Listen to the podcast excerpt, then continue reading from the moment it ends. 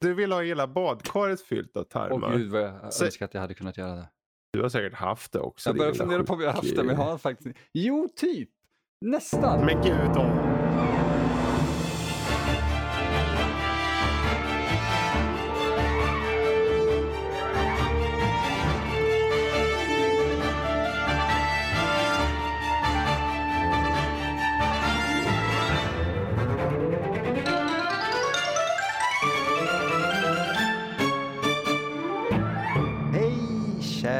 Lyssnare och vänner. Här är Matiné tillbaka. Självklart. Och, och vi har ett, ett fantastiskt eh, litet avsnitt den här gången, eller hur Fredrik? Oh ja, det blir ett väldigt intressant avsnitt. Mm, jag tycker det. Och eh, nu fick ju ni faktiskt, eller det brukar ni få, men eh, vi visste ju själva inte riktigt förra gången i slutet av förra avsnittet vilken film vi skulle ta.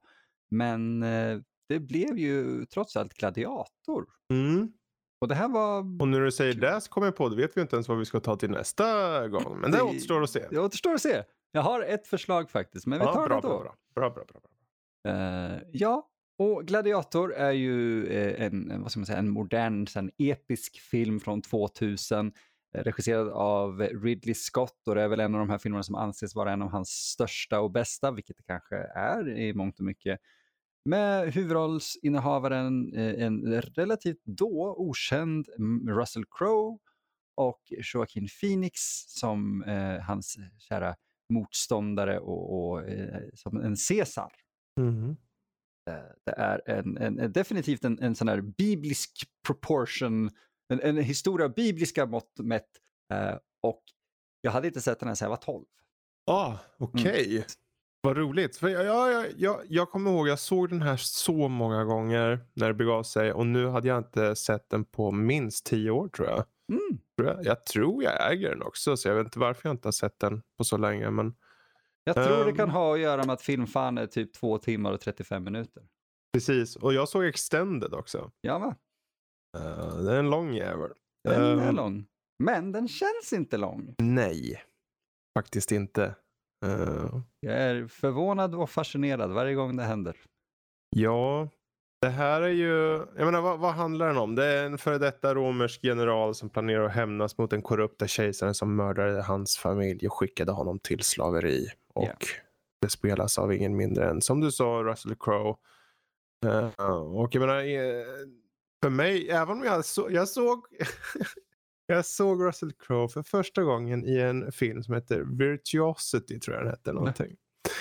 Där han mot Denzel Washington och han var en slags VR-karaktär. Hmm. För att eh, Denzel åkte in i så här VR, virtual reality och han kom ut och mördade folk. Det låter som typ, vad heter den, Lawnmower Man nästan. Ja, typ. Fast eh, faktiskt bättre har jag för Oh. mig. Men eh, det, här var, det här var väldigt länge sedan. um, Virtuosity 95, ja han var Sid 6.7 i den filmen. Det låter som en blandning mellan Lawnmower Man och Tron. Jag är fan nyfiken nu. Ja, den var sån här riktig kalkon. Men det är just, jag hade sett den där. Bara lite så här i förbifarten och inte tänkt på det. Jag hade ju sett andra filmer. Det var ju inte som att jag hade kopplat honom i, i LA Confidential eller, eller så. Det, det hade inte, han hade inte etsats fast. Men sen kom, ja, sen kom Gladiator. Mm. Men jag tror det här var ju den, eh, de ville ha en skådespelare som var, eh, du vet, duktig och bekant med hantverket men Mm. eh, relativt okänd. Så jag tror det, det här är tveklöst hans breakout roll. Ja, verkligen. Och vilken roll. Ja, Ehm, otrolig. Jag, Bara att han heter Maximus är så här, typ, kan du heta något coolare egentligen? Ja. Nej, men det är just hela upplägget som menar från starten av filmen när det liksom etableras för honom hur han är i Tyskland typ och eh, lever rövare men han är, han är general mycket riktigt och han är under Mar- Marcus Aurelius, alltså Richard Harris gamla karaktär. Eller gamla karaktär, den, en av de kända kejsarna som Mm. var väldigt god. eh, I alla fall enligt folkmassan när den begav sig på riktigt alltså. Mm. Eh, och Commodus som var väldigt en av de sämsta kejsarna någonsin. Han, sen huruvida faktiskt det stämmer överens med, med verkligheten. Ja, nej, det, han blev ju strypt till döds egentligen, Commodus. Japp.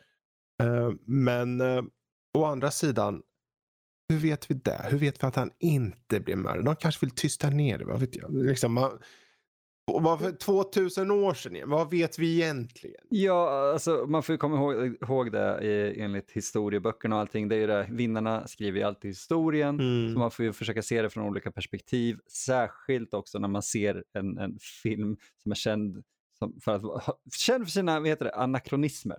Mhm, För den, Precis. den, äh, de, de hade ju anställda eh, historievetare på plats där och det var ju de, många av dem slutade.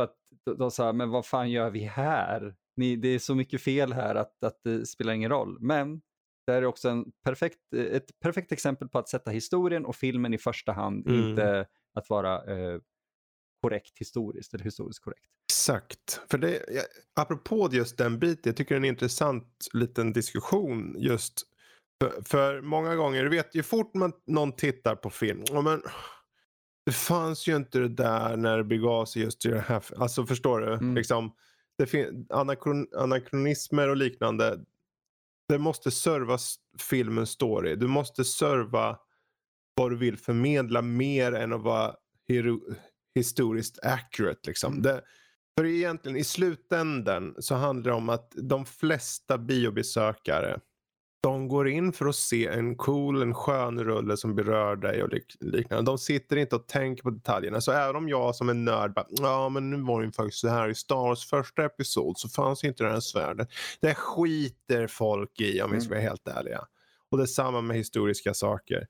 Du måste serva storyn liksom. Det får inte Ehm, vara för far out utan man ska ju fortfarande kunna köpa att det fanns Ja. inom ett, ett, tusen eller åtminstone 500 års spann. Liksom. Precis, precis. Och även om det liksom, sen finns det ju de, om det där är faktiskt 150 år senare eller Ja. 150 år tidigare. För, ja, ja, off. whatever liksom. Ja. Det, det är vad det är. Men eh, här är det ju så, känner jag att jag köper allting väldigt bra. Mm. Jag tycker det, om man bara ser som filmen som en form och spegling av den här tiden så tycker jag det fångar väldigt bra ändå. Oh, ja. Ehm, inte för att jag på något sätt är någon historielärare direkt. Jag har inte koll på vad som ska vara och inte ska vara. Jag, jag bara köper det mesta för att jag tycker att det känns välplacerat. Det känns, eh, det känns som att Ridley Scott här fortfarande, tack och lov, fort, här är 2000, hade fingertoppskänsla. I alla fall i den här filmen.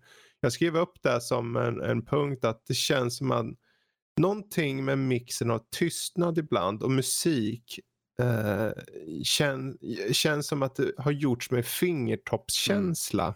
Det, det, det, det här är en hantverksfilm. Konstigt att komma från mig när det kommer till en mastodontfilm där folk mördas i bitar. Mm. Men, men eh, det är exakt det du säger. Det känns som att han faktiskt har brytt sig om varje scen här. Och då, manuset var ju i princip en total katastrof eh, från början till slut i mångt och mycket. Vilket märks här och där. Men tack vare hans regi så Mm. tror jag att det hela tiden eh, funkar. Precis. Så oavsett, eh, ja, fortsätt du. Nej, men bara oavsett just det, om det är några anakronismer och sådär, så är allting presenterat på ett sånt sätt att man köper det. Och det är Mm. det som är till filmens eh, credit. Ja, jag tror också det som är den stora fördelen. Vi har ju egentligen i grund och botten en hämndhistoria på många sätt och vis. Att, Det, det, det Braveheart DLC gladiatorversion Mm. liksom. Och någonstans är det, eh, du vet det har varit så mycket snack på många, i många år än vi vill ha det dark and gritty, det ska vara så många lager, det ska vara liksom, någonstans finns det eh, en sund eh, enkelhet som, som jag tycker saknas så mycket film nu för tiden. Det ska finnas så mycket jävla lager som sagt. Att när du bara har en grundpremiss som egentligen är, när Maximus eh, bero, eh, vad heter det? Han blir be, berådd. Han, han nekar Commodus att vara hans general, eh, vilket leder till att han blir förrådd av Mm. romarna och ska skickas iväg för avrättning. Precis. Han slinker undan. Han blir skadad men han rider ända hem. Och där, Och, mm, alltså, och det är egentligen det här sätter upp filmen. Han hittar sitt hem i ruiner. Och som vi förstått så är de ju man ser bara fötterna av hustru och, Mm. och barn. Men uh, Commodus säger ju senare att de spikades upp. Också. Ehm, alltså det är just att de fokuserar så mycket på, han är så rå i sin, i sin sorg. som Mm. jag tänkte på. Att eh, jag blir betagen av inte bara vad som händer i situationen men också hur han hanterar. Jag tycker det är så starkt bara. Han bara, han, det, han har inga filter, han bara, han är verkligen den här karaktären. Oh, ja. Det Eh, är fascinerande just hur eh, någon som Russell Crowe, man, som man kanske inte tänker på som en bra skådis många gånger, han har i alla fall fått det ryktet känner jag. Okej. s- Ja, men så ser man typ den här och det, det vad fan pratar folk om? Det är ju briljant skådespelare. Ja, ja, ja. Alltså ja, för mig är han en av de bästa skådisarna. Han har varit det sen, sen det här känner jag. För jag har sett han i så mycket som jag tycker han är alltid solid. Alltid Mm. bra i sin roll. Men, och då gjorde han året innan Insider tror jag. Som var en sån Ah. här i rök, uh, cigarett eh, business liksom. Och sånt Mm. som var en eh, riktig rökare. Så- Nej, men eh, den, just den scenen, där, där sätter du egentligen kärnan i filmen. Han Mm. vaknar sen upp, han har blivit tagen som slav och sen så är det sakta men säkert en slags eh, en resning från hans sida. Inte bara som liksom för han, går inte, han säger ju inte så mycket. Han, vill, han håller igen. Liksom. Han, det är bara att han oundvikligen höjs för att han bara är den han, han är stoisk. Han, han gör sitt jobb, varken mer eller mindre. Och sen att det råkar leda honom tillbaka till Rom och ge chansen att faktiskt ta itu med den här kejsaren. Det är en enkel premiss men den funkar så jävla bra. Men är inte det egentligen tecknet på just någon som vet hur de hanterar eh, en, en enkel premiss? Att, att få det att funka så bra i, i merparten av två och en halv timme. Mm. Alltså, eh, för, för många filmer, precis som du sa, har i princip överkomplicerat väldigt mycket och det ska vara så många lager idag. Nej men fuck that, jag orkar inte. Ge mig bara en bra historia som är tydlig och välhanterad så Mm. behöver det inte vara 15 lager och twistar. Precis. Och någonstans också, jag menar om, om du har den här raka linjen av eh, vart karaktären önskar nå. Liksom eh, en grundpremiss i botten. Så finns det ingen som säger att du kan ha små avvikelser jäms så att säga. Det blir Mm. nästan lättare, nästan mer organiskt att det sker saker. Han träffar den här uh, mörkhyade mannen som också är slav och han berättar om sin familj som är hemma liksom, och säkert gör mat medan de står och fightas. Liksom. Att det finns den här drömmen om att komma hem. Mm. Och det är egentligen det är, väl det som är målet för Maximus från hela filmen. om man ska säga. Han vill ju komma hem. Det börjar med att han vill komma hem och det slutar med indirekt att han kommer hem. Ja, men kanske inte på det sättet man tror. Nej men Ehm, precis. Alltså det slutet. Jag, jag vill ju inte hoppa till slutet men eh, jag, alltså det slutet. Jag, jag, jag tänkte på det lite i förhand när jag började titta på Undrar om jag kommer känna något för slutet nu. Det var så länge sedan. Jag, jag är nästan en annan människa. Nej, jag satt och bölade som jag. Ja, det gjorde jag med. Men det är för att de bygger upp det så bra. Det är just de här, man känner de här två och en halv timmarna då att det har lett upp till någonting. Och, och det är, man, man, fan, man gråter både med Mm. och för honom där. Det är så Eh, vackert. ja. Det är så vackert bara känner jag. På, på alla, alla sätt. Alla Ja. sätt. Tekniskt som emotionellt. Det är någonting med att slutet, liksom den här, den här döden, den, den i sig är vacker. Och, och 20 år sedan kände jag den och även idag. Att komma hem om det så är i döden gör det här till en sant en poetisk nästan avslutning på något sätt. Um, för även om de, de behöver dessutom inte säga något om att det är ett efterliv. De behöver inte säga något om att det är liksom någon religion som ligger här. De behöver bara säga att det i hans på, det hans hem han kommer hem till. Om det är ett efterliv eller inte, det är skitsamma. Det är Ja. bara att, Det här är det sista han ser. ja, Och det är det som är ja, det viktiga. Och att vi får se det är, är magiskt. ja verkligen.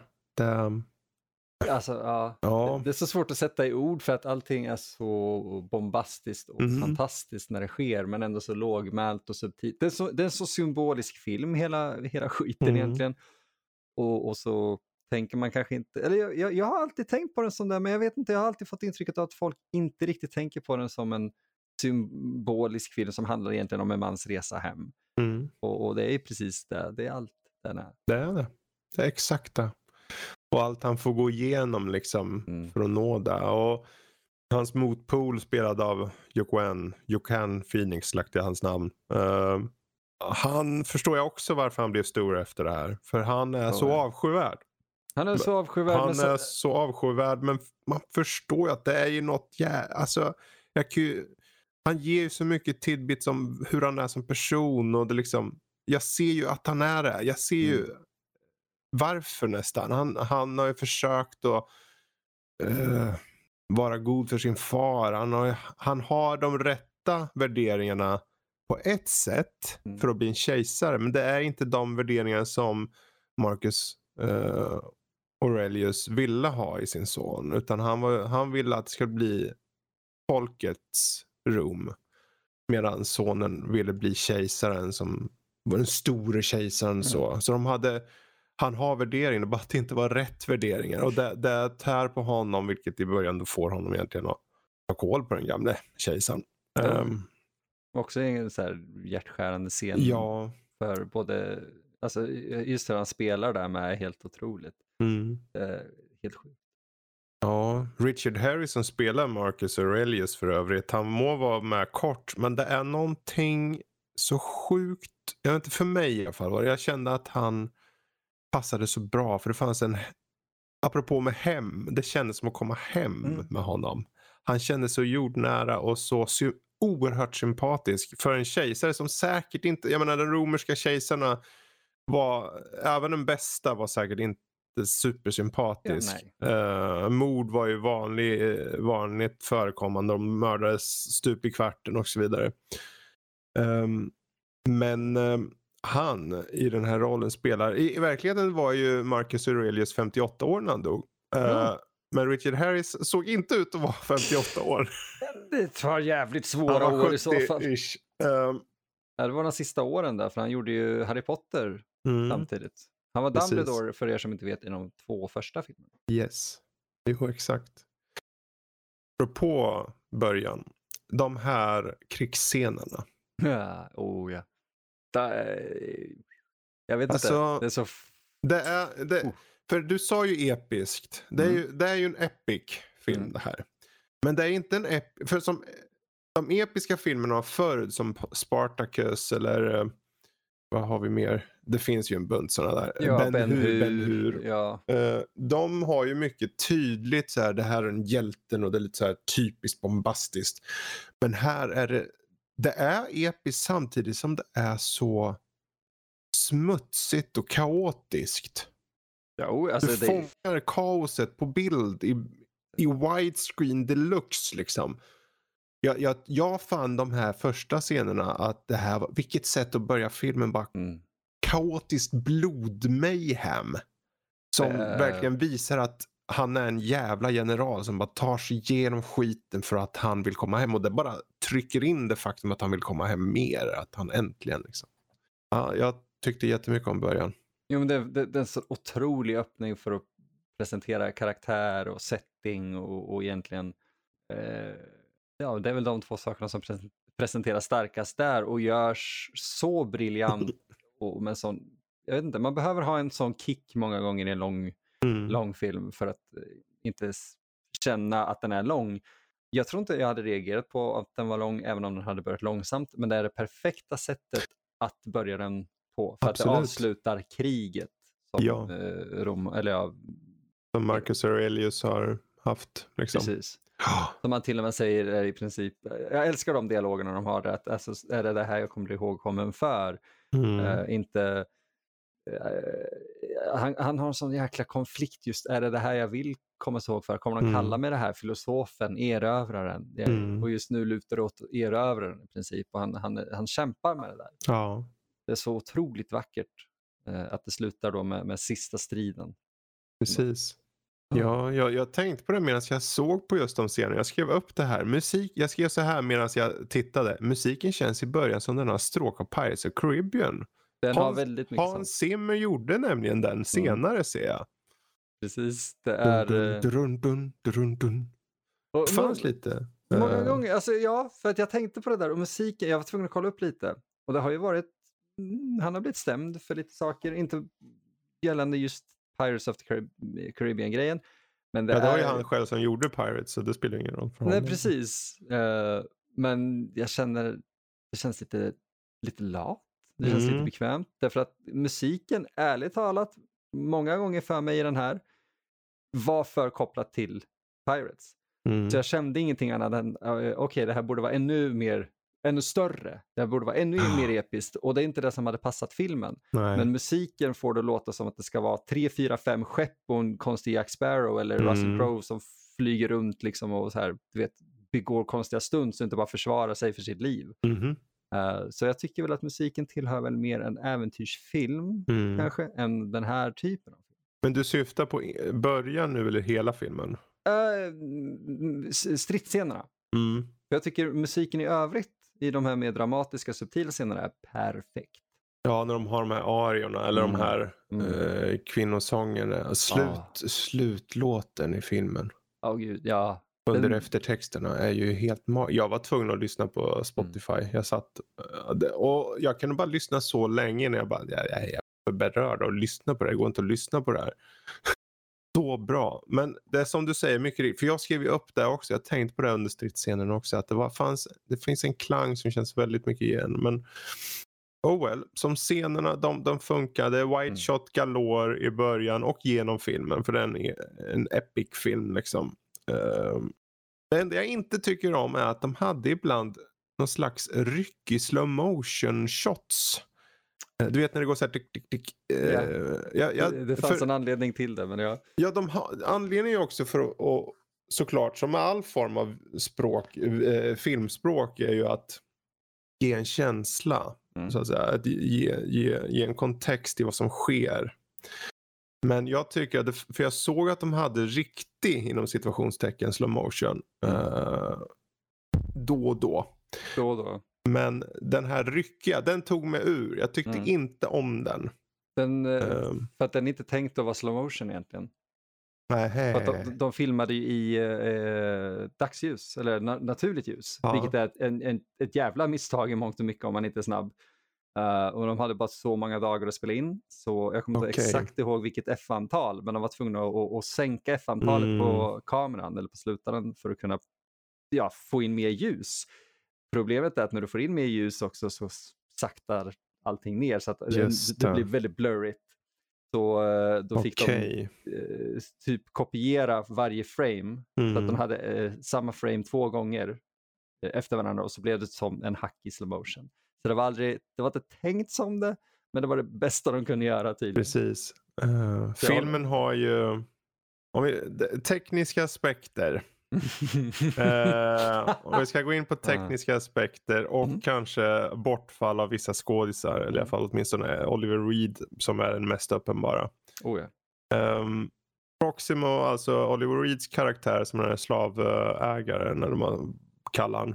Uh, gamle gladiatorn. Han, han, han dog under inspelningen så Mm. de fick ju försöka att hitta scener och de hade ADR, eller de hade inte ens de hade ju inte ADR, de hade dubba uh, slutet, viss, vissa ord hit och dit. De fick det att funka. ja Men Precis. det var nu när jag visste det och såg det så var det så sjukt uppenbart där mot slutet att ja Mm. men det där, har, där vi, uff, det där var inte bra. Det var, det var nästan copy-pastat på ett ställe när liksom han var så här, stod ut mot bakgrunden. Och, Han pratar vid grinden där. ja, Det är så, eh, för den, den scenen är ju ökänd just för att eh, den funkade okej på VHS. mm, När man ser det nu i gloriös full HD så blir det så här, oj då, det här var ju tidig Photoshop. mhm, Eh, det funkar, men det är så uppenbart att ljuset är annorlunda och Mm. att det här huvudet eh, rör sig lite annorlunda mot kropp, kroppen. Men de har varit väldigt snabba. De har varit Mm. väldigt, väldigt snabba med de där sista bilderna. ja. Vad kan man göra? Jag menar, det, det, för vi har gladiatorscener i sig och det finns några mot I alla fall när de är i Rom så är det några, tror jag, CGI-scener när de går Ja. över staden. Det är okej, är det. Det är Mm. okej, men det för mig, jag tyckte ja, det var uppenbart. Men det är liksom, det, det är bara en, det är som en B-roll nästan. De bara visar bara Mm. lite, ja men här har vi livet, alla är på väg in i Colosseum. Liksom. Det, whatever, och sen går det till riktiga. För överlag så är ju filmen in camera liksom väldigt mycket. Oh, ja. Uh, och det är ju så in camera. Det är dirty, blodigt in camera. Och, ba, den här scenen, jag är nyfiken. Vet du hur de gjorde? Du vet på uh, i Gladiator i Colosseum när gänget kommer dit och de får slåss mot de här chariotsen. Mm. Där är det en tjej som klyvs i mitten, kommer du ihåg det? Ja. Hon, hon äh, jag tänkte, hur gjorde de den? Det är väl egentligen, eh, jag har inte kollat upp exakt hur de gjorde den, men jag tänker att det är bara en klassisk liksom inte protes, men bara en, mm. latexfigur. Ja, för det måste ju vara något sånt. Men det är liksom ja. rakt igenom henne på magen. Man ser det liksom ramla hon bakåt. Jag, jag, jag, jag bara såg det och tänkte, fan det där såg bra ut för att vara. Jag applåderade den lite för att, ja. Alltså för vad, det är ändå, och det är ändå Gladiator, det är ändå på många sätt en inom situationstecken mainstream-film liksom. Mm. Eh, inte för att jag, eh, alltså att de har med den här grittinessen och den här blodiga saken. Det är ju uppenbarligen en R-rating måste det vara här eller? Ja, det här är en R-rated. Mm. Ja, det såg jag nu när jag kollade. Jag, var, jag tänkte, är det en PG-13? Bara, nej, det kan det inte vara. Nej, det är mycket riktigt en rated R. 15 ja. år. Ja, jag blev imponerad av att det just fightingarna och det, och det här var råa, fanns, att det var så tydligt. Var, jag tänkte aldrig på det när jag var liten liksom. Nej, jag tänkte mycket mer på det nu också faktiskt. Och, och, det är kul nog kanske för när jag ser den här typen av våld, ja när de splittar henne och sådär, eh, och det finns andra sådana scener med så blir det lite överdrivet. Det är så här, ah, nu äntrar vi mitt wheelhouse, det här är sånt jag vill göra och testar. Men det finns scener som får mig så här, bara känna mig extremt obekväm och, och när, bara hur vissa svärd far igenom folks kroppar och jag, mm. jag, jag, kände på en gång att jag, jag har inte kul just nu. Mm. Det här är bara obehagligt och det är exakt det filmen vill komma åt ja, lite ja. grann. Uh, för våld för mig är väldigt kul på film när det är överdrivet och, och jävligt. Mm. Men när det används så här, så effektivt som det gör, så får det en annan känsla och de har träffat det perfekt mm. på många ställen. faktiskt. Uh, så jag är glad att den inte gick över det, för att då hade jag nog börjat tänka mer, ah, titta en kul gore-scen. Liksom. Det var aldrig mm. där riktigt. Vilket jag ibland kan tänka, återigen när vi pratar om Braveheart, det finns vissa scener där i som är så här, okej okay, nu är det bara Gorefest mm-hmm. galore mm. uh, och det är inga problem, det är jättekul. Men det passar kanske inte riktigt alla gånger. Uh, det, hade, det, kanske, det passade mer i den faktiskt än vad det passar här. Mm. Uh, det finns ju en, bara flera kopplingar faktiskt till Braveheart med den här. Inte bara att det är liknande filmer. Mel Gibson blev tillfrågad att spela Maximus Okay. Alltså ja, men han var 40 någonting då, så att jag är nog för gammal för rollen. Mm. Maximus ska ju vara lite yngre ändå. Uh, och även det att Tommy Flanagan som spelar Cicero mm. är ju mm. med i uh, Braveheart och spelar också en högerhand. Ja, just det. Mm. Ja. Så det finns ett par uh, liknelser. Och båda är Coolt. australienare med, Russell ja. Crowe och Mel Gibson. Ja, verkligen. Ja, just det. Precis. Vilket ja. var lite konstigt när man började tänka efter varför pratar han australienska. Men, Ja, det är sant. Um... Men det är bara nitpicking, det är ingenting som stör. Ja, men det är kul men... nitpicking ändå. Mm. För jag... Men det är just det här, för när jag så, såg allt det här slafsen när de började mosa varandra på, i gladiatorringen och så, så mm. är det någonting med den här råheten parat med de här episka vidderna, parat med just den här önskan, längtan om att komma hem som gör det hela mer poetiskt. Som, mm. Jag är tillbaka på det ordet poetiskt igen. Um, men då har vi ju samtidigt också kejsaren och hans frågeställning som han ställs inför till exempel är ju vad är då the greatness of Rome? Mm. Liksom, en bra fråga som ställs av Commodus, nå något som sen styrs av honom genom filmen då hans sätt att se på saker snarare styr vad som är the greatness of Rome. Mm. Till skillnad från egentligen vad som egentligen skulle vara the greatness of Rome är ju för folket, det som är bäst för folket. Eh, men i hans fall handlar det om maktbegär och hans maktbegär bara blir värre och värre och han känner sig förnedrad. Han känner sig... Ja, och sen har vi hans incestuösa jävla relation med sin syster och barnet. Det, ja. Men det är ändå, jag, jag gillar att det är så, det är två stycken väldigt svåra historier vi får mm. handskas med här. Vi har den här om hämnd och vilja komma hem och egentligen aj, om att bli älskad och som mm. övergår i någon form av megalomani. Liksom. Uh, för jag tror aldrig att, att uh, Commodus hade blivit en bra kejsare.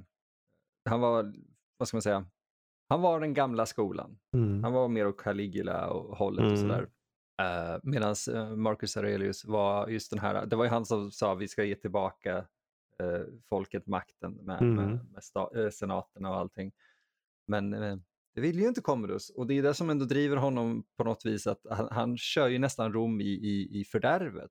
Han säljer ju av eh, spannmåls, eh, vet det, Reserverna. reserverna egentligen för att fortsätta ha de här gladiatorstriderna för att det är det Mm. folket vill ha. Och det finns en så eh, en, en sån här scen som är egentligen så ikonisk för sitt citat. Eller jag, jag tror inte de säger citatet här i, men, men just vad det innebär. Det är återigen det här med poesi, symbolik, det är Mhm. väldigt mycket sånt.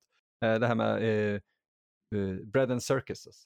Ja. Bread and circus. Um, vilket de pratar egentligen aldrig riktigt om cirkus här i, vilket gjorde mig lite så här, hmm, synd. För cirkus från början var ju just gladiatorfighter i princip. Mm. Eh, men det finns en scen där de, efter, eller om det är innan eh, en gladiatorstrid, så kastar de ut stora brödlimpor för att Mhm. folket ska inte tänka. Folket ska ha eh, fester med Hitler och de ska ha mat, men de ska inte tänka. Precis. Eh, och det är fantastiskt hanterat ändå Ja. av, av Commodus och, och så där tycker Ja, verkligen. För jag menar hela poängen, han, han- med 120 dagar av spel i Colosseum och eh, ett citat som kommer där när, när de två senatorerna pratar med varandra att eh, de säger he will bring them death jag. Mm, and they love him for it. exakt. Precis. Ja, så att, liksom, att, att som du var inne på just att få folk bara att tänka på något annat. Att bara, de kommer älska honom för stunden. Definitivt. Men, Men eh, han säljer ju mycket riktigt av spannmål i bakgrunden och om två år då skulle de kommer de dö av svält. På riktigt Mm. dö av svält. Och då, han hjälper ju inte till någonting med de som är sjuka eller någonting. Liksom, han sitter i se- senaten och bara pff, eh, do that. Mm. Men det är också då eh, halvvägs igenom där, när han håller på att fucka upp hela Rom, som han upptäcker att oj då, en av de här gladiatorerna är den här generalen Mm. som skulle vara död. Eh, vilket leder till att eh, eftersom Maximus är en så skicklig gladiator så eh, börjar folket älska honom som en hjälte och en idol. Och eh, då hamnar ju Commodus i en, liten situation där, där han antingen kan välja det här tummen upp, tummen ner, väldigt typiskt kejsare Mm. att eh, ja, vad heter det? Skona honom efter en strid där, Mm. eh, där han ändå har vunnit eller ja, ja, ha ihjäl honom. Men han upptäcker att folket som han har med sig just Mm. då börjar bua och, och, och egentligen, nej inte bua så mycket som de bara skriker Maximus namn. Och han Yes. inser då att jag kan inte göra det här framför ögonen på, på alla de här Han människorna. sitter i en rävsax. För hela hans mål med just de 120 dagarna av spel är ju att de ska älska honom. Så om Mm. han då går emot det då tappar han ju det enda sättet för dem att älska honom. Och så han sitter och man ser att det liksom, han bara avskyr att göra det och han mår så... Och Alltså, just, den scenen Mm. är så fantastisk jag. För man ser hur han tänker utan att han säger. Det här är ju vad skådespeleri är. Att du, du internaliserar liksom vad, vad karaktär, du är Mm. karaktären i den stunden. Och just i den här stunden med, med Russell Crowe och, och, och Phoenix. De säljer in det så bra och man ser hans jävla, hur ska jag göra? Han tänker och tittar och tar in och det blir en så stark scen och man bara ser nu. Och det, för hade det varit en annan film då hade eh, liksom Russell Crowe sagt du ska få ditt skit och så ska jag slå ihjäl dig. Men Mm. han säger, han bara säger ingenting. Liksom. Han bara står. För, för uh, kejsaren säger någonting. Han, det är ju där han säger om att han, hans fru och barn skrek ju när de Mm. hamrades upp med spikar och han, han säger för att ant antagonisera, liksom, eller vad heter det? Eh, antagonize, liksom, Ja, få igång honom.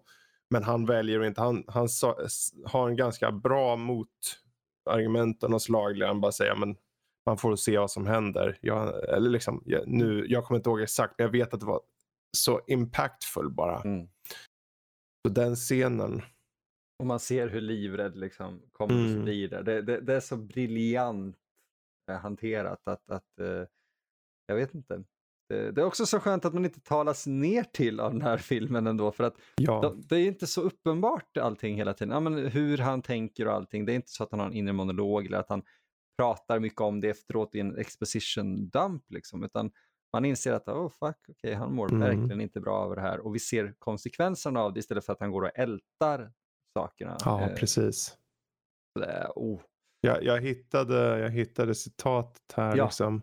Eh, och Commodus säger först, det här är en ganska stor bit nu så jag hoppas ni hänger med. Men uh, Commodus säger What am I going to do with you? You simply won't die. Are we so different you and I? You take life when I have to, as I do. Eh, when you, eh, och Maximus säger I only have one more life to take. Then it is done. Eh, och så säger Commodus Then take it now. Och sen så pausar då Maximus, vänder sig omkring och börjar gå bortåt. Och Commodus säger eh, De säger att din son Maximus stannar upp. Squeal like a girl when, he, when they nailed him to the cross. And your wife moaned like a whore when they ravaged her. Again and again and again. Och Maximus, det enda, det är ju det här, han säger det här för han vill ju få honom att göra någonting så han kan döda honom Mm. nästan lättare. Maximus säger bara eh, The time for honoring yourself will soon be at an end. Bows head. Highness. Så han, tar, han skiter i att ta in det han säger. Han, det, det tar hon, på honom. Oh, ja. Men han vet att det är in, han är strateg här. Han är generalen här. Och där scenen just så elektrisk. Ja. Mm.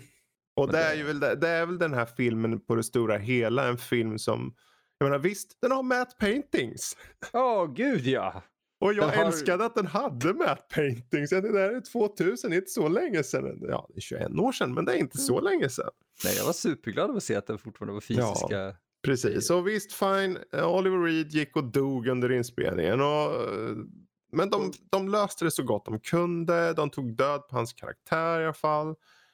Eh, Tigrarna går på en jättefin green screen någon helt annanstans. Ja, precis. det. Det finns väldigt tydliga saker, men sen har man helt plötsligt på gladiator, liksom i Colosseum en shot and widescreen. Man ser han liksom i nästan, det blir nästan pose av det när han slåss och han har tigern bakom sig. Och plötsligt tillbild på det så är det bara djupt vackert på något Mm. sätt. Men det är lite, du kan ta en stillbild från vilken del av de här gladiatorfighterna och egentligen använda det som en målning. Mm. Så vackert fotat och, och gjort. Ja. Ja, Det- för mig är det när jag såg den här nu, för vi har ju sett, vi har ju sett Braveheart, jag kommer inte ihåg när det var, men det var ett par månader sedan. Och nu såg vi Gladiator, två väldigt stora episka filmer. Men när jag såg den här nu så jag slår mig att det här slår nog Braveheart med hästlängder för mig personligen. Mm. Jag vet inte vad det är. Det, Braveheart tog aldrig in på det här sättet. Det är kanske den här, det är förmodligen det, konstigt nog det här återigen grundläggande enkla med att bara komma hem som på något sätt måste vara universellt mänskligt tror jag. Ja, för det har inte Braveheart. Braveheart har, har definitivt den här, man kan koppla till hämnd och, och, sådär, men det saknar momentet hem. mm. Även om det ändå handlar om att han vill det, finns, försvara... det är ju en avsaknad av poesi också på något sätt i Definitivt. Braveheart. Jag älskar Braveheart jättemycket, men den är inte poetisk Nej. eh, direkt. För här Eh. finns det så mycket mer och det maktspelet mellan senatorerna och uh, kejsaren och eh, just Maximus tystnad tillbaka i, i ringen och sen förståelsen om att han är i Rom och han faktiskt kanske har chansen att ta koll på den här jävla kejsaren. Så nu jävlar. Ehm, och han, han får ju, han, om man trodde tag där, men nu han kanske kommer ta sig ut ur ringen. Han kanske får ta sig till sin armé och hjälpa senaten. Men nej, inte fan går det heller. De har det Eh. till och med, liksom, planen är där, de sätter igång en, en, en, en kupp, Mm. gör de. Men så, nej, det går inte riktigt. Det är någonting snaskigt över filmen också. Liksom. Det är någonting så här, alltså hade, visst den här poetiska ådran finns där, men om du hade tagit bort den så hade det varit nästan, eh, jag vet inte, lite såpopera-grej. eh, någon, jag vet inte, det är någonting bara så här sj- sjukt, jag måste se det här. Och det som du sa i början där, att den är nästan tre timmar lång, men för mig, jag bara, den här sprang igenom alltså. jag, ja. jag Ja, fattar eh, inte riktigt hur han lyckas. Ha, är det tempot som är bra? Det, jag, vet, jag kan inte sätta fingret på det mer som att, eh, som jag sa förut, där, någonting med den här mixen av tystnad, musik, fingertoppskänsla. Det känns som att han här är fortfarande så uh, är Ridley Scott en mäster, han är en mästerregissör här för han lyckas förvalta någonting som på uh, innan han påbörjar arbetet och under arbetet har problem. Problem med kanske manusproblem med skådespeleriet där vissa dör och så vidare. Ursäkter, Men ändå får han ursäkter, ihop ursäkter. den. Ja, ursäkter, kom inte hit och dö din jävel. Nej, men det, det, det, är just det att de får ihop allting så väl. Till med, alltså Russell Crowe tackade jag till, till uh, filmen tack vare att uh, Ridley Scott mm. hade ett samtal med honom. Uh, för att manuset var ju en katastrof, vilket även huvudmanusförfattaren sa att uh, det här är, det var inte bra. Liksom. För det finns något, jag vet inte hur sant det är, och det här talar väl lite till hur, hur Crow kan, kunde vara mm. kanske som skådespelare. Att han, han, alltså, du skriver så dålig skit Eh, och att det, kan, det krävs en, en, skådespelare som är världens bästa, alltså jag, att lyfta upp det här. I princip, jag parafraserar lite grann, men, men det var lite det han sa. Men författaren erkänner också att ja, och han hade förmodligen rätt. Mm. Uh, för att han här visar, precis som du var inne på, det här med att Crow är en jävligt duktig skådespelare uh, med att lyfta upp uh, dialoger och, och manus som annars lätt låter väldigt uh, såpopera jag, jag förstår inte hur, hur alltså vilken, vilken gräns, eller vad säger, tunn jävla röd linje de har vandrat på här mm. från att göra en total flopp och katastrof och ändå lyckas leverera något så förbannat. Ja, det är mycket melodrama här liksom. Det, ja. och, uh, men jag tror för, för, för en gode Russell Crowe så är det nog en hans, den här karaktären är så juicy. Den, det, det, mm. Du har sånt spektrum av uh, känslor och, och saker som sker trots att det rent premissmässigt är enkelt. Men att jo. kriget i början och den här vad, vad Marcus Aurelius för honom är, är ju som en far. Han är ju en fadersgestalt och han säger ju fader till och med. Så. Oh ja.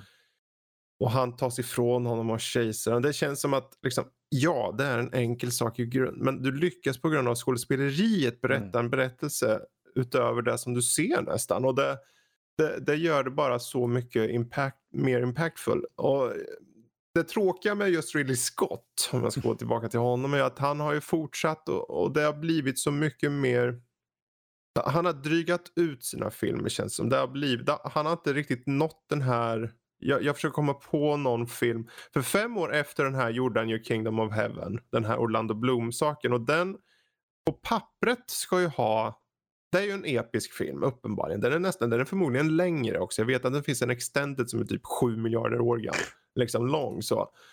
Men den, den bara funkar inte för Nej. mig liksom. Han, han, um, alltså jag har sett den många gånger men han Scotts problem är att han har hela tiden har försökt att fånga den här lightning in a bottle mm. liksom, grejen som Gladiator var. Och han, inte ens med Prometheus som många tycker är en bra film tyckte jag att han nådde i närheten Nej, av samma inte. poesi.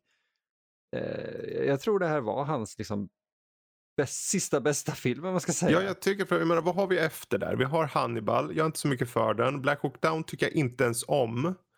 Matchstick Men har jag bara sett bitar av så jag kan inte säga något om. Uh, Kingdom of Heaven som bäst så en fem av tio. Alltså en okej okay, godkänd men ja. Underhållande för stunden. Ja. Mm. Sen så kommer det så här American Gangster. Fortfarande inte sett. Jättetråkigt. Body of Lies tyckte jag inte om. Robin Hood tycker jag förvisso okej. Okay. Det är en underhållningsfilm. Det är varken det, mer eller mindre. Exakt. Det är det, det. Um, Prometheus. Han försökte göra något. Försökte ett bra Men det är plot holes i manus. uh, karaktär som inte viker av och spring, springer åt sidan när det faller enorma saker som tar ett halvår att ramla på dem. Det är en detalj. Men just det, den, den tyckte jag hade, där vill han göra någonting. Men det är liksom, det, det når inte. Ja, och sen så gav han upp alla typer av liksom, ja men jag gör precis som vad studioserna vill och gjorde Alien Covenant som är det tråkigaste jävla skitfilm jag varit med om på länge. Exodus Gods and Kings, en bajsfilm. Um, jag har varit nyfiken på att se den just för att den verkar vara en sån bajsfilm. Ja, se på den för all del. Det är också lite, men det är just det bibliska tar de gånger 40 liksom på något sätt. Uh, han är ju väldigt religiös den gode Scott. Ah, ja, det kan man ju tänka sig när man visserligen ser Prometheus och Exodus. Och där kan jag tänka. Ja, jag tror han är katolik eller något. Jag för mig. Mm. Uh, inte för att det spelar någon roll, men uh, Nej, men det, det Ehm, speglas oftast, eh, särskilt när man kommer upp i Mm. åldern, i ens konst. Ja, och det är väl just det här tråkiga. Jag, jag känner att han pikade egentligen med Gladiator känner jag. För Ja. mig personligen. Han, det är inte att han inte kan göra bra filmer och han kommer säkert släppa någon förr eller senare. Även om den här Alien prequeln som kommer tror jag kommer bli skit. Ja, Och framförallt Gladiator 2 som är announced. precis det. Ja. Mm. Why? Jag vet. Det, Det- det, säger Russell Crowe också, jag har inte en jävla aning om vad de tänker, men okej. Vadå, var han uppsatt för tvåan? Ja, det är det som är tanken. Ja, What? jajamän. Det är tänkt att, att Maximus ska komma tillbaka. Eh, Antingen så ska den handla om just efterlivet eller så är det att han i princip eh, gör, du vet, i, läggs undan bakom en sten och kommer tillbaka efter tre dagar. Ja, det där blir ju, nej, alltså snacka om att tarnish eh, på eh, minnet av en god film. Om de, ja. det, men det är just det här är problemet. Han sa länge, Ridley Scott, nu vet jag att vi går ut på en tangent här angående Mm. Scott, men han sa länge att han inte skulle gå tillbaka till vissa filmserier. Han skulle aldrig gå tillbaka och göra en Blade Runner-uppföljare. Mm. Ja, inte för att han personligen regisserade den, men han producerade den. Han Mm. var mycket nära arbetet där. Eh, han gjorde Alien Covenant och han bara, han påbörjade Prometheus, han hade en vision och sen bara bajsade han i ansiktet och fortsatte att mata bajs i munnen på det där liket liksom. Ja, ja, det är liksom som att han bara sket i totalt. Mm. Det blev den där David-karaktärens berättelse som var helt Ah, ointressant. Jag fann den så sjukt onödig. Jag hade gärna sett den i en annan serie. Ja, Hans jag vet, historia. hade, det varit en, hade det inte varit Alien Ja. Så kanske det hade funnits underhållningsvärde där liksom. Men att den svärtar ner Alien gör bara värre när, när det på pappret bara åh, Scott går tillbaka för första gången sedan 79 eller när fan den kom originalet. 79. Mm. Och så blir det liksom Prometheus, okej han försöker göra något nytt, jag kan se det. Och sen kommer Covenant som är en kopia och en bajsmacka. Jag bara nej. Eh, och nu är det en prequel på gång igen. Ja, men släpp den Ridley. Sluta. Sl- sluta nu. Sluta. Du, är, du regisserar Re- filmer från ditt ålderdomshem. Ja. Lägg av. Jag bör dock säga att jag tyckte om The Martian. Ja, ja, men Den kom är- 2014. Den Ja. var bra. Eh, så det är inte att han inte kan göra bra. Han är ju en mästerregissör, absolut. Det är bara att han verkar inte riktigt bry sig om vad han gör. Nej, men jag tror, jag tror han har, alltså, man, man, man är en mästerregissör så länge man är det, om man säger så. Mm. Eh, du kan lätt tappa det. Det finns ett citat jag inte tycker om, men som är att du är inte bättre än din senaste film. Mm. Eh, det finns lite i det och det finns väldigt mycket inte. Mm. Men eh, ja, vi kan ta och titta på Francis Ford Coppola egentligen också. Precis. Han har inte gjort, enligt mig, en, en, han, han, han nådde sin peak på 70-talet. Mm. Han gjorde Gudfadern 1 och 2 och han gjorde eh, Apocalypse Now. Mm. Sen sa han i princip, jag behöver aldrig någonsin göra en bra film igen. Jag har Mm. gjort de här tre, var jävligt nöjda. Exakt. Det är Eh. George Lucas liksom all over again. Liksom. Ja, det är det. Och fine. Alltså, jag, jag är helt okej med att, eh, jag gillade Jack, som Francis Ford Coppola gjorde exempelvis. Eh, men det är absolut, det, det, ja, är det det med Robin Williams eller? Ja, precis. En pojke, han är ung. Ja, han blir gammal jättefort typ. Eller så här, han Just ja, växer. den ja. Det- Mm. Jag, jag, här, jag gillade den som barn, den har Ja. en fin liten sensmoral. Det är ta mig fan inte Apocalypse Now. Det är ett eh, hopp. Väldans. Eh, Men det var kanske det han ville göra just då. Ja, jo. Och jag är fine med det. Mm. Han har redan gjort, han har gett filmhistorien tre fantastiska filmer. Ja, alltså om det är någon som klarar sig eh, på cred efter att göra Gudfadern-trilogin, eller i alla fall första två, Ja. så är det ju han. Uh, även om det, det är ju någonstans att de förringar ju sig själva känner jag många gånger, regissörer, Mm. när de bara tar på sig och gör någonting som man, man tänker, men Exodus Gods and Kings, det är mastodontfilm och det är Mm. så jävla überreligiöst och samtidigt jättefånigt. Ja. Och Alien Covenant, och det är inte att man inte, det står ju rakt, det här är fånigt står det i manus. Mm. Första bokstäverna så här, phony. Det är engelska för fånigt tydligen. Eh, men Alien Covenant var ju, och, och, och så liksom, Body of Lies tyckte jag inte om. Mm. Eh, Master, Matchstick Men, jag har inte sett. Den ja, ligger på min lista faktiskt. Mm. Black Hawk Down. Fast Black Hawk Down, jag tyckte inte om den mest för att jag tycker jättedåligt om armé militärfilmer. Jag tycker Mm. inte om sånt. Ja, för den är erkänd att vara en bra militärfilm. Mm. Liksom. Och så gillar man det så okej. Ja, Fine. det, det, gillar ni den så är det absolut inga konstigheter. Det, den var precis nästan efter Gladiator något år där så det är inte så. Han släppte ändå Hannibal och Black Hawk Down samma år den jäveln. Produktiv fan. Och det var året efter Gladiator. Men båda känns lite ruschade Ja, faktiskt. Jag säger inte att de är det, men, men de känns lite ruschade. tre år innan Gladiator gjorde han G.I. Jane. Jag såg det. Jaha, Jag vet inte riktigt vad han höll på Thelma Louise innan det, just det klassiker. Black Rain, är det den i Japan med Douglas eller? Tror det va? Ja det är det. Den var länge sedan jag såg. Jag för mig den var okej men det var en, den kändes lite B-film så på ett sätt roligt men eh, Känns lite lågbudget. ja men den hade nog sitt. Men Blade Runner. Blade Runner är ju definitivt den filmen jag Ja. älskar mest av hans. Det är ju en film som oavsett vad man tycker om filmen i sig. Det är ju en film som skapar en genre. Hur många kan säga att de har gjort en film som skapar en genre, skapar en ton, skapar en visuell känsla.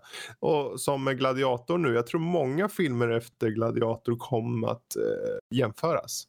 Oh ja.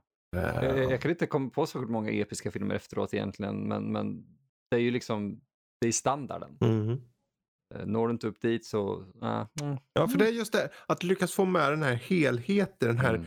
fylliga i helheten av liksom du har, du har fotot, du har poesin i, i vad som sägs och de, i, mellan karaktärerna god dialog liksom. Verkligen Mm.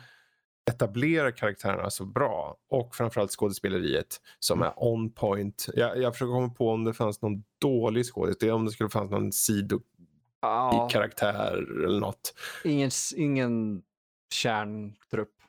Ingen i kärntruppen är dålig. Precis.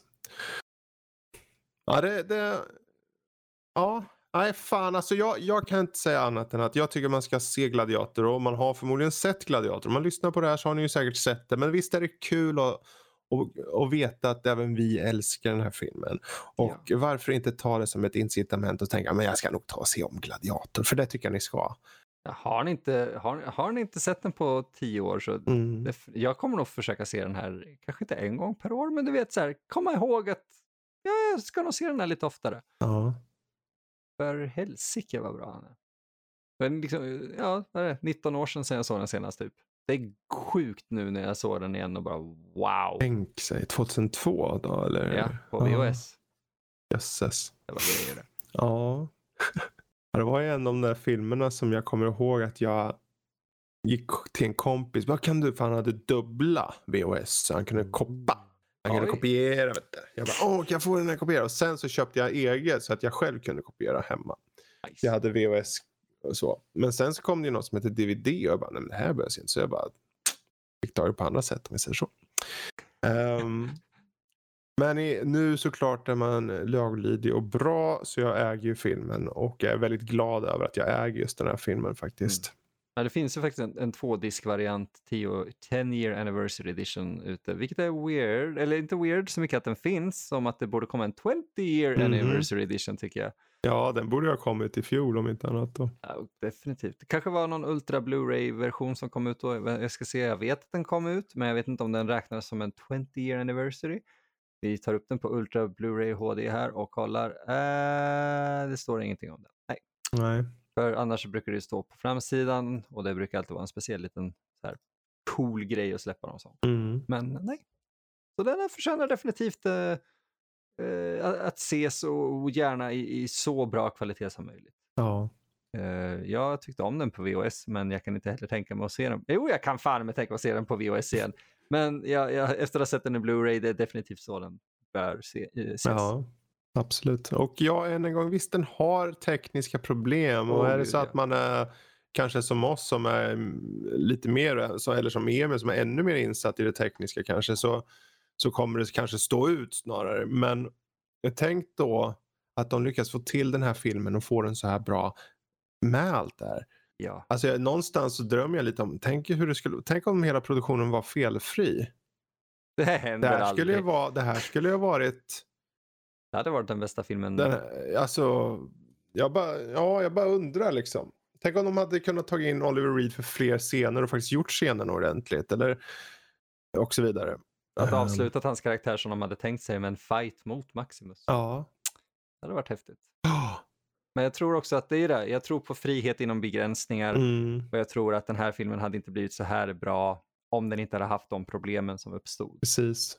Eh, för det är ju lite den där Fenix, ur, ur askan reser sig Fenix och manuset var en total askhög Mm. som ändå ledde till eh, någonting så fantastiskt som slutresultatet vi har i Gladiator. Ja. ja, fint sagt. Tycker nästan en bra avslutning där. Du tycker det? Ja, I så fall så får vi tacka för oss för den här Ja. gången. Är- för den här gången. Men vad blir det då nästa gång är frågan. Det är det jag funderar på. För att, för att, nu ska vi se. Vi valde ju den här lite för att jag hade en Rus Russell Crowe-period där. Jag hade Du- ju sett eh, eh, Nice, guys. just det. Åh, härlig nice guys ja. Eh, Mm. oh, ja. Och för eh, våra kära patrons så kan jag ju säga att det finns ju faktiskt ett avsnitt där jag pratar om Russell Crowe-filmen Unhinged från förra året också. Mm. Av Kultpoddens lilla 2020 Flashback där. Så vill ni höra vad jag tyckte om den så mm, får ni lyssna där. Eh, Ja, hur, så- hur, gör hur lyssnar man på det då?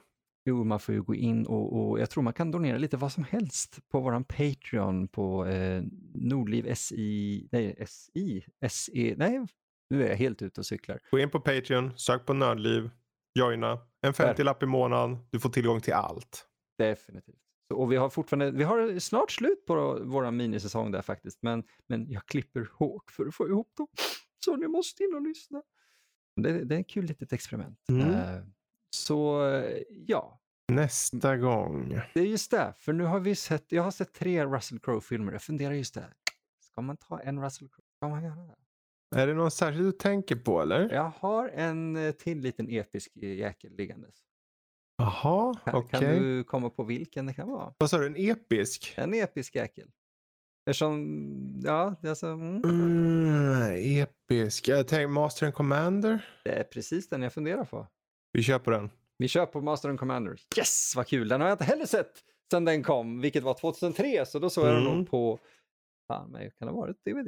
Det är Russell Crowe-tema här Ja, det eh, känns ett par bra. månader. Men det, och då vet man åtminstone vad man får. Eller, det var länge sedan jag såg Master and Commander också. Men jag Mm. såg den ett par gånger. Första gången jag såg den avskydde jag den. Andra gången tyckte jag det var den bästa film jag hade sett på jättelänge. Wow! Så där, man vet aldrig vart jag står med den filmen.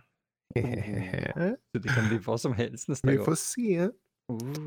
Det är bra. Ibland ska det, visst är det kul när man har sådana här avsnitt man vet att eller man, man liksom hittar gemensam mark och man tycker om det man har sett på. Men det gör ingenting om det skär lite också. Mm. Alltså, lite jag, motsatta åsikter är aldrig fel. måste så- vi ta något, då får vi ta typ så här, vi får ta Ben Hur nästa gång. Nej men nu, ja. Ja, inte, inte här nästa gång kanske. Nästa, nästa gång. Precis. Eh, kanske det, kanske det. Ja, kanske något gammalt. Det där är snart dags. Gettysburg. Oh. Mm. Mastodontfilm om... Mm. Alltså, ja, ja, Det där får vi klura lite på. Det får vi Jag klura på. Men Master and Commander är nästa film. Perfekt. Eh, men med det får vi tacka för oss. Och är det så att ni vill eh, höra av er till oss på något vis så kan ni alltid ta antingen mitt eller Fredriks förnamn, alltså Emil eller Fredrik självklart, at nordlypodcast.se. Så eh, ja, då kommer ni till våra mejladresser helt enkelt. Är det så att ni vill följa oss på någon form av socialt medie, ja, då har ni Dr. Snap på Instagram och Twitter. Ni har eh, Indie-Emil på, eh, på Instagram och Indie-Emil GBG på Twitter. Eh, sen har vi självklart vår, hu- hub, vår huvudbas Nordliv SE på både Twitter och eh, Instagram. Ja, vi finns ju självklart även på Facebook, där är det bara Nordliv. Mm. Ja, Fredrik, har jag missat någonting? Mm, att du är mysig. Jag är mysig och nu vet ni också det. Och Fredrik, han är bäst. Så då tackar vi för oss. Tack. Hej då. Hej då.